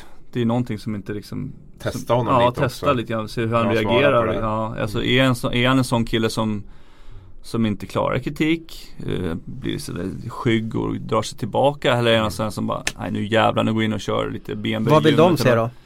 Naturligtvis att de vill att han tar- mer, tar mer initiativ Rak i ryggen. Ja. Bli förbannad liksom, Ja, bli på det förbannad och- och, in och visa. Och, och där borta så drar de ju alla över en kam skulle jag säga. Liksom. De vill ha att alla ska bli så men alla är inte så heller. Liksom. Det är därför vissa vänder hem också. Eh, du vill att de ska stanna, Lias och Karl, hör jag på dig Tellan. Vad, vad säger du Abris? Vad, om du hade varit Lias Andersson, hur hade du gjort din hockeyresa den här säsongen? Nej, ja, det, det är svårt det där. Alltså, men jag, jag kan nog känna att han skulle må bra av att spela ett år till i SHL. Det, det är min känsla. Han kommer Det är så bli- klassiskt man säger bli- så ja, han mår bra av att Men spela han- SHL ja, till. Varför, han, varför säger han, man så? Han kommer att bli en bra hockeyspelare. Han kommer att bli en bra NHL-spelare. Det är helt övertygad om. Men, men någonstans kan jag känna att han är 18 år. Liksom. Det är fan, han, han kan, jag tycker att han ska spela något år till i Sverige och kanske spela Tre Kronor och, och lite så så att han är riktigt förberedd när han kommer dit. Men det är, min, det är vad, jag, vad jag tycker. Nu, nu vet jag inte hur tydlig han har varit. Vissa spelare har varit tydliga med det. Att liksom jag kommer åka hem. Mm. Åker jag ner så kommer jag åka hem och spela Men är det hans makt? Han har ju kontrakt med Rangers. Ja, De kan ja, ju nej, flytta honom som en, en första runda, som en absolut. schackpjäs. Ja, sen finns det väl alltid en förhandling med, med, med klubben också. Det, jag tror inte att de kan tvinga honom på så sätt att bara åka över om han nu absolut inte vill det heller. Nej, Men han valde ändå att skriva på ett kontrakt Ja, med tre ja, år med Rangers. absolut, absolut. Hade han inte skrivit på det kontraktet Nej. så hade han ju spelat i Frölunda ett år till. Bra tugg eh, gubbar. Eh, Vi har eh, en punkt kvar innan vi ska avrunda den här första podden. Och eftersom vi har ynnesten att ha Mikael Tellqvist på plats här så ska, ska du få, du har fått en hemläxa av oss. Ja. Och göra en lista. Du kan väl förklara vad det här är för lista? Ja, först så ville du att jag skulle göra en lista på SHLs bästa målvakter men den tycker vi har sett i tidningen nu i Den var för tråkig. tre, tre den, veckor så det blir sam, samma kastade- svar ja. eh, lite grann. Så att, nej men jag har ju valt målvakter som jag tror kommer bli otroligt viktiga för sina lag. Eller livsviktiga skulle jag vilja säga i, i vinter. Och, och sen har jag även valt två målvakter som, som jag vet har stor potential och som jag skulle vilja se ta ett steg till. men är inte målvakter alltid lagets viktigaste spelare? Så är det, men de här målvakterna kan det handla om liv och död för klubben till exempel. Om de blir kval eller inte kval eller slutspel eller SM-guld eller jag har valt lite annorlunda. Jag har inte bara tänkt på De är lite premium MVP kan vi kalla det. Ja, precis. Så, som alla vet så är målvakten lagets viktigaste spelare. Så är det ju, det kommer alltid vara. Eh, så att ja, jag har gjort lite val här. Och då ska vi göra också så i klassisk eh, Emil eh, Lagnelius Karlsson anda att vi börjar från plats, är det fem målvakter du har rankat? Ja, fem målvakter Ja. som två extra. Just det, Mm. och då börjar vi ju inte med plats ett utan vi börjar med plats fem. Så att det ska bli lite dramatik här. Vem är det Tellan har satt på plats ett? Så att, eh, kör. Ja, nej jag har faktiskt sagt eh, monstret där. Eh, Som plats fem. Ja, plats fem som jag tror blir otroligt viktig för Linköping. Och inte bara för att han är en otroligt duktig målvakt utan vad jag har sett på värvningarna så är det otroligt offensiva värvningar de har gjort. Eh, Som alltid i Linköping. som alltid i Linköping. Och, och som alltid när man har offensiva spelare så blir det alltid en tendens att det kan bli mycket farliga lägen åt andra hållet. Inte nödvändigtvis mycket skott men det kan bli mycket frilägen, det kan bli mycket två mot ettor. Två mot nollor ibland till och med för att man är så offensiv. Eh, och vissa backarna som är väldigt offensiva. Och jag tror att Monster kommer behöva ha en riktigt bra säsong för att Linköping ska kunna gå långt. Och det är naturligtvis självklart när man ska vinna SM-guld och sådana grejer. Men jag tror att han kommer bli viktigare än vad, vad många tror. Och för alla er som undrar nu eh, eh om, om, om Tellqvist har rökt på i- innan programmet så är det inte alltså någon Ghostbusters vi pratar om här utan monstret är alltså Jonas Gustafsson i, i Linköping då. Tror han gillar namnet monstret förresten. Alltså det, det var ju lite som Färjestad-tiden när han var ett monster i målen då. Målet då, han har extremt låg eh, eh, målsnitt och, och, och tog säkert något klubbrekord och så vidare. Jag tror han gillar monstret som namn. Jag tror att det funkade rätt bra när han var i Färjestad men sen när han kom över till Toronto så tror jag han fick, eh, tyckte det nog var lite jobbigt. Nu känner inte jag Jonas sådär personligen men eh, just i en stad som Toronto när de smäller upp The Monster liksom och, och sådana grejer. Det ska alltid behövas. Det, det tror jag nog inte var. Det kanske var kul första veckorna liksom men sen efter ett år så tycker jag nog, tror jag nog inte tycker det var så himla kul heller. Han vill nog gå under Jonas. Jag vet att när jag eh, eh, hade förmånen att prata med Jaromir Jagr på ett hockey-VM så ställde jag just den frågan Are you scared of the monster? Och det var alltså han skulle möta Han skulle möta Jonas Gustafsson i VM. Jag kommer han tittade på mig och, och ja Den blicken jag fick av honom det var, det var kanske inte min bästa fråga eh, men, eh, han undrar nog Han fick veta vem monstret var i alla fall ja. då. Men, men eh, vi får se, jag vet inte ja, Man kommer ju säga monstret i alla fall hela tiden. Det blir ju så. Det är, det är lite konstigt smeknamn. Men jag gillar ju smeknamn i alla fall. Till plats fyra. Ja, det här har jag sett Jocke Eriksson i Djurgården. Uh, han kommer från en helt okej okay säsong i, i Växjö till en, till en klubb där jag vet hur passionerade folk är runt, runt Djurgården. Folk bryr sig alltid om Djurgården. Vare sig man gillar Djurgården eller inte. Eh, blir det en säsong som vi hade förra året, hur klarar man det? Eh, så att nej, det, det, blir intressant och jag tycker Jocke är en otroligt skicklig målvakt. Spelade en bra match senast mot, mot HV. Eh, kanske släppte en liten jobbig retur på sista målen men uh, det, nu får vi se vad som, vad som händer här i framtiden. Jag vet att han har kapacitet och jag vet att han är landslagsmässig. Så jag, jag, hoppas att uh, Jocke tar ett kliv och fyller, fyller min position där med, med Adam i, i Djurgården och, och sådana grejer. Det är en speciell situation i SHL. Du har mm. ju oerhört många namnkunniga målvakter. Mm, verkligen. vi kan säkert återkomma till det senare men det ska bli intressant att höra dig i en senare podd ta ut vilka målvakter du tar ut till OS. Men det, det tar vi senare. Bronsplatsen. Ja, där har jag sagt Eero Kippelainen som, som, som är i Örebro, om jag uttalar det rätt. Jag är inte säker. Men eh, vi hade ju äran att spela mot han förra året med Djurgården i Champions Hockey League i, i, i Kalpa. Och eh, jag, jag, tycker, jag gillar hans spelsätt. Han spelar mycket på känsla, han är atletisk. Eh, han var otroligt viktig. När jag såg han såg han ut som en vägg liksom där borta. Jag tror flexibel och jag tror att om Örebro ska kunna gå till slutspel eller slippa kval så behöver han stå på huvudet likt Hudacek gör nästa år. Eller som gjorde förra året definitivt. Och, så att det är bara att hoppas att han passar in där. Eh, bara, bara flika in en snabbis här. Hudacek gjorde ju extremt stort avtryck i svensk hockey. Han var en bra målvakt men var också en artist. Vad tyckte du om Hudacek? Jag gillade inte det. För att?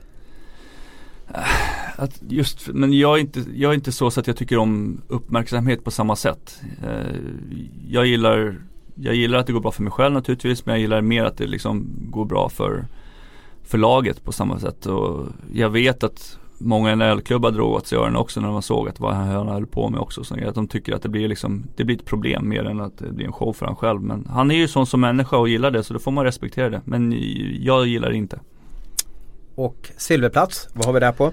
Ja, silverplasten har vi Johannes Jönsson, ingen skräll där heller. Jag menar eh, fantastiskt fin statistik förra året. 23 matcher, 24 matcher på, var det 94 rädd, i räddningsprocent. Och han startade, det var som helt bisarrt på honom, han startade SHL alltså han startade säsongen. Mm. Hade, han, hade han två, tre mål, han förlorade inte en match. Mm. Man hade ju tur att hopp, stoppa in honom och så vann de hela tiden. Mm. Så han var ju, länge var han obesegrad. Mm. Och då la man också till försäsongsmatcherna som vi har pratat om som kan mm. gå hur som helst. Så att det var en fantastisk statistik han hade tagit. Så är det och nu blir det ju test för nu förut så hade man ju hade en rutinerad målvakt med, med Honken bakom sig och då, då känner man inte liksom samma stress eller press att man måste prestera varje kväll för att då vet man att nej, har jag en dålig kväll så då kanske Johan kommer in och så spelar bra igen liksom.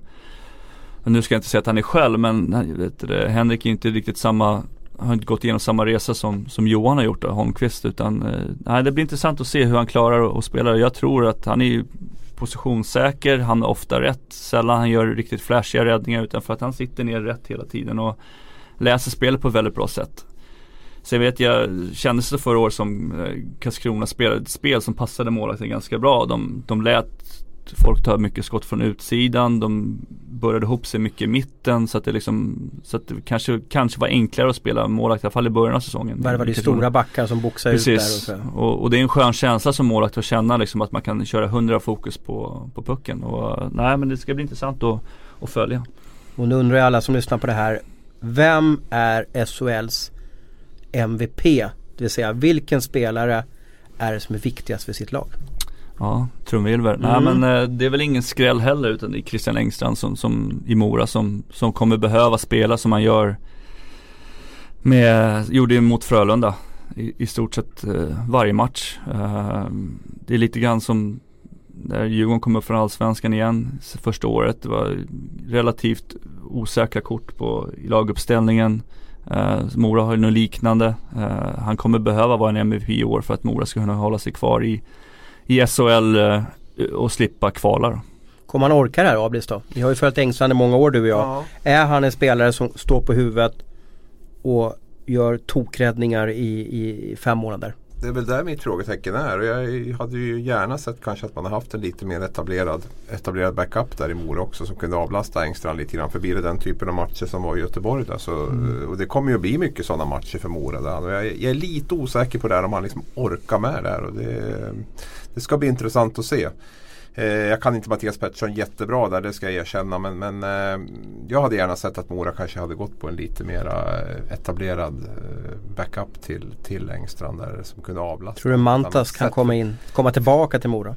Det tror jag säkert att han kan göra. Så det kan vara ett alternativ i alla fall. Det, det tror jag säkert. Det jag tänker med Engstrand, jag är ganska halvkass på målvakt. Så jag kände lite mot Frölunda att han ehm, har man lite is i magen där så kan, man, kan han lätt bli överspelad. Det kändes som att han gick ganska hårt Mm. mot, mot skytten. Jag är helt ute och cyklar. På. Bergenheim så, så gjorde han en klassisk pokecheck där och Men det är väl lite det man kommer ihåg av, av Eng. Det ska jag säga också att han ser inte ut som samma målvakt som, som han gjorde när han spelade i Linköping. Jag tycker han ser mycket mer stabil ut. Eh, I Linköping så var det mycket mer så att han gjorde mycket pokechecks och hamnade i lite old school eh, räddningar och sådär. Men jag, det jag såg lite grann så tycker jag att han ser väldigt stabil ut på så vis. Rör sig på ett väldigt bra sätt.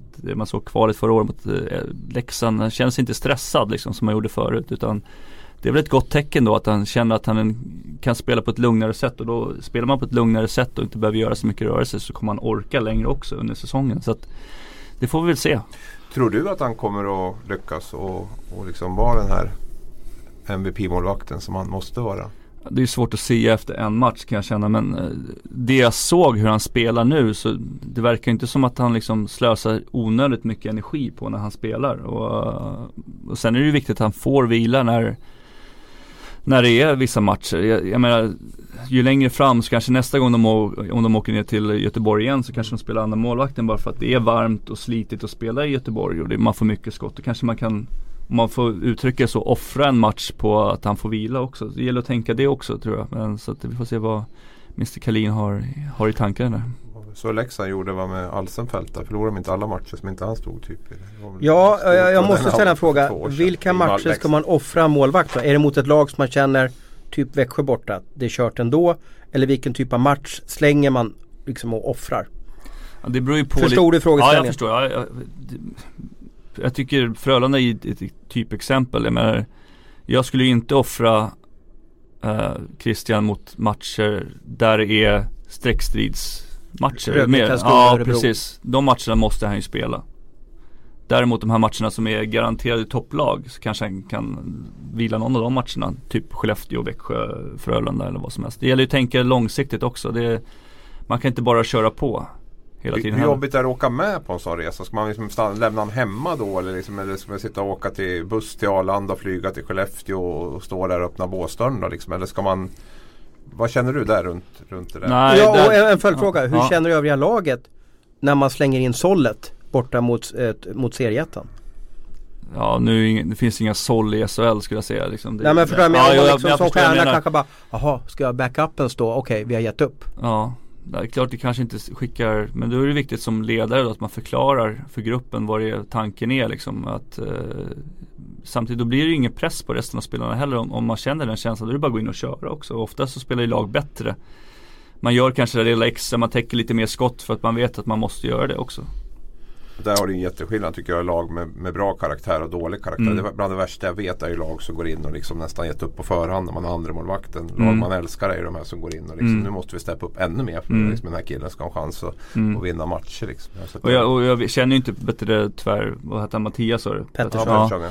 Så jag känner inte vad han är för typ av människa. Så jag menar, han kanske har jätterespekt i, i omklädningsrummet också och hoppas på det. Så att då kanske laget som du säger, då, då fightas de extra hårt för han också. Samtidigt som Christian då får, får Och det är vila. exakt den känslan jag har att när man varit ute och så har man varit uppe i Skellefteå och så åker ett lag som inte är lika bra som Skellefteå upp dit och så ställer de eh, den som kanske är på pappret, andremålvakten. Ja men jag har en känsla av att de brukar vinna Mm. det här laget. För att de nästan offrar sig och slänger sig ännu mer för att hjälpa den här killen. Mm. Backup-killen då. Jag är bara, det är bara en känsla, ingen statistik för det men, men jag vet inte hur många gånger man tror att oj nu ställer de backup-målvakten, nu blir de Och överkörda. det kan ju bli en känsla av topplaget också då att man kommer in och så bara, aha, ställer de han idag? Då kanske det blir lite lättare också. Så kanske man slappnar av lite grann och det, och det går inte att göra det mot något lag i SHL. Och sen har du tagit ut två spelare, Tellan, som du tycker har lite mer att bevisa, är det korrekt? Nej, det tycker jag väl egentligen inte är fel ut. Men jag tycker att de jag vill se att de, ja men lite grann, de, de, ska ta ett steg till. Jag vet att de har så stor kapacitet i, i sitt spel. Jag gillar sättet de spelar på. De kan mer men de har inte, har inte bevisat det ännu. Nej, de bevisade stundtals har de gjort det. Uh, och uh, då har jag varit Stefan Sten i Färjestad som jag tycker är en otroligt skicklig målvakt. Jag vet att han jobbar med masken där uppe som är otroligt skicklig målvaktstränare. Massey Swash, är Precis, det korrekt? Ja, ja, min polare också för att göra reklam för han mm. också. Så. Nej men jag tycker att Stefan har väldigt mycket i sig. Han är eh, rörlig, han är, kan göra räddningar som inte många målvakter kan göra. Många målvakter spelar på att täcka pucken bara och sådana grejer. Jag, jag gillar sådana målvakter som försöker göra räddningar också, inte bara liksom blockar utan eh, så att nej, det är väl om han kan ta det nästa steg själv. Så är det ju. Man är, mm. från, är från orten liksom och sådana grejer. Det är alltid tufft att spela hemma. Ja, med Sten kan jag bara få inflika, jag har ju inga förväntningar på honom. Alltså mm. i, i, min värld så är det Haugen och Sten ungefär lika. Mm. Så kliver han fram så för mig är det bara en jättebonus för, för, för Färjestad. En sån känsla har jag inför Sten. Men uppenbarligen så, så tror de ju någonting om Stefan som han fick spela slutspel för året. Mm. Nu var det väl någonting, vi pratade om det sist här, okay. det var någonting med Haugen där att, att mm. han fick barn, fick barn ja, okay. och var hemma i Norge och, och sådär va, liksom. Mm. Så det fanns ju någon bakomliggande anledning till att Sten var den som fick första spaden mm. också väldigt begränsad bolltalang var det någon som sa till mig om Sten. Okay. Är det viktigt att ha det som målvakt? jo men så är det ju. mycket med sport ja, och tennis och allt vad det är. Så är det, men, ja, ja, ja, många målvakter är ju bra på att jonglera Så är det och jag menar, det, är viktigt, det är viktigt för målvakter i, i blicken liksom. Blicken, där sitter allting. Jag menar, om, om någon kastar en boll till dig och du bara står, står och tittar bara rakt fram så kommer du träffa dig på axeln liksom. Och det ser man ju mycket målvakter som inte har det. Men jag, jag ser, det är någonting med Stefan som jag gillar. Jag vet inte vad det är jag kan sätta fingret på. Men jag, jag hoppas att han kan ta steget och vara första slips där borta i år. Sten och sen har du en till som... Ja, som, som... ja jag fortsätter med Djurgårdstemat här. Min, min gamla kompanjon från förra Adam Reidenborn. Jag, du har haft en tuff karriär alltså. Ja, det har han haft. Definitivt. Och någonstans vänder det. Det är det som är grejen. Alltså det, det går inte bara det, det, sitter väl mycket i huvudet på han. Och jag vet att han har tagit hjälp den här sommaren och, och, och sådana grejer. Vadå hjälp alltså? Nej men lite coachning utanför också. Mitt, mitt, eh, mitt jobb förra året var ju att hjälpa Adam på så vis. Just med coachning mentalt. För att han har så väldigt mycket i sig. Han är rätt stor målvakt. Han har bra fötter. Jag pratar om bolltalang. Han är bra på när man kör tvånudd och sådana grejer. Han, han har mycket liksom, så när han får ihop det då kommer det se ut som att det gör i slutet av förra året när, när han spelar som han gjorde. Så att även fast vi har Jocke som uttalad första målvakt så skulle jag ändå vilja se att Djurgården ger Adam en chans också att spela för att jag, jag vet att han har så mycket i sig att han kan ta nästa steg. Och jag vet att han har haft en tuff karriär på många sätt och, och, och sådana grejer men samtidigt så han åkte ut med mod och man spelar samtidigt upp Djurgården också så att det borde ju någonstans borde det bli status quo där. Mm. Jag vet inte, det ser inte ut som du håller med mig riktigt heller men uh, jag, jag, vet, ja, jag har alltså, jobbat nära Adam så pass länge så att det, det jag, tycker det bara, jag tycker synd om honom mm. eftersom han har haft det tufft och Djurgårdsfansen var lite, var lite tuffa mot han mm. Och sen när han kom tillbaka då, ja eh, och så var han bakom dig där. Mm. Nu avslutar han väl förra säsongen helt okej okay, va?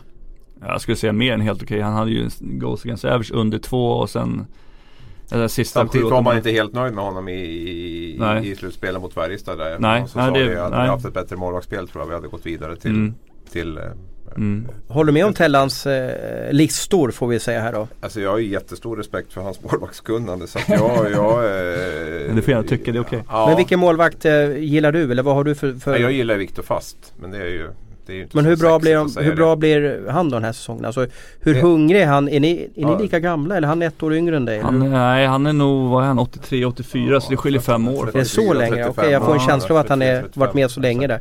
82 kan vara 82. Hinner, vi, hinner vi snabbgoogla Abris? Han var ju riktig late bloomer. 35? Ja så det är bara tre år imorgon. Precis fyllt 35. Så han är 82 där. Eh, nej men jag gillar ju honom. Och, alltså, han, Viktor Fast är alltid, alltså han, det är ju ingen jag, som jag känner Viktor Fast så finns det inte på världskartan att han kommer med mätt. Liksom. Det, det, det är möjligt att jag missbedömt det helt. Men mm. för mig är ju liksom det Jag som inte kan alla tekniker i målvaktsspelet och så här ser ju mycket det här med att viljan att liksom tävla, att vilja ta alla puckar, att liksom vara sådär riktigt jävla förbannad efteråt som Henrik Lundqvist kan vara, som Viktor Fast kan vara. Mm. Liksom sådär. Det, någonstans där som man bara liksom, det, det triggas ju av och jag tror att han blir jätteviktig i omklädningsrummet för Växjö också. Jag tror att när de här största stjärnorna tävlar hårdast så blir det också att det sätter ju standarden på något sätt på de andra. Liksom att eh, Är Viktor fast liksom där varje träning och blir galen om folk inte avslutar på rätt sätt så sätter det också standard på, på en träning. Mm. Liksom. Mm. Och där tror jag blir, blir viktigt. Plus att det är ju, är väl en av våra ja, topp tre i alla fall i Europa nu bland, bland målvakter. Det har väl varit under må väldigt många år och det är han väl fortfarande säkert i högsta grad OS-aktuell. Så att det är ju en förbannat bra målvakt också. Vi har en redaktör som står utanför här och gör dödstecknet åt oss. Det vill säga vi ska börja avrunda. Eh, jättekul att ni har varit med oss. Eh, eh, innan vi slutar så ska vi bjuda på lite hockeygodis. Eh, och eftersom vi har förmånen att ha Tellan i studion här så måste vi fråga dig vilken är den svåraste, jag vill säga forward som du har mött på en hockeyrink? Det vill säga den som du har känt att oj nu kommer han. Aj, ja det är kört.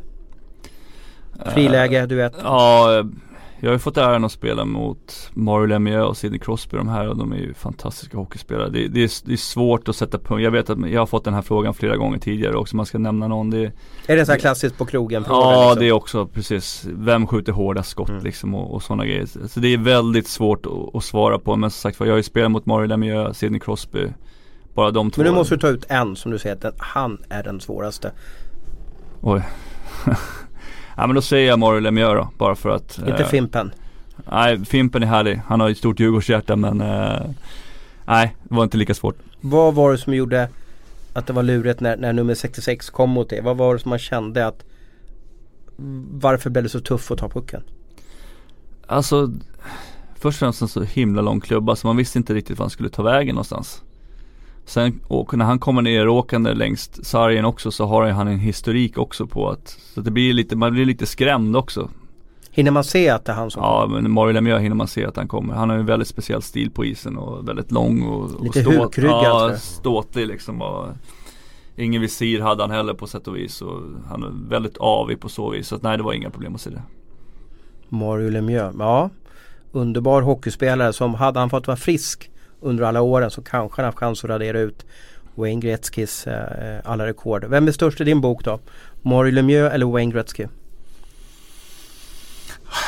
Jag måste säga Mario Lemieux ändå. Alltså, Gretzky är väl den största men, men potential, alltså, Lemieux hade någonstans högre potential just med den här storleken och den där högerfattningen och, och liksom troligt liksom. Han var ju fysisk också mm. på ett sätt som kanske inte Gretzky var. Så att, eh, Sen tror jag Gretzkys karriär är ju, är ju större som du var inne på mycket på grund av att han hade problem med en del problem med skador och sådär. Så cancer, han fick cancer. Ja.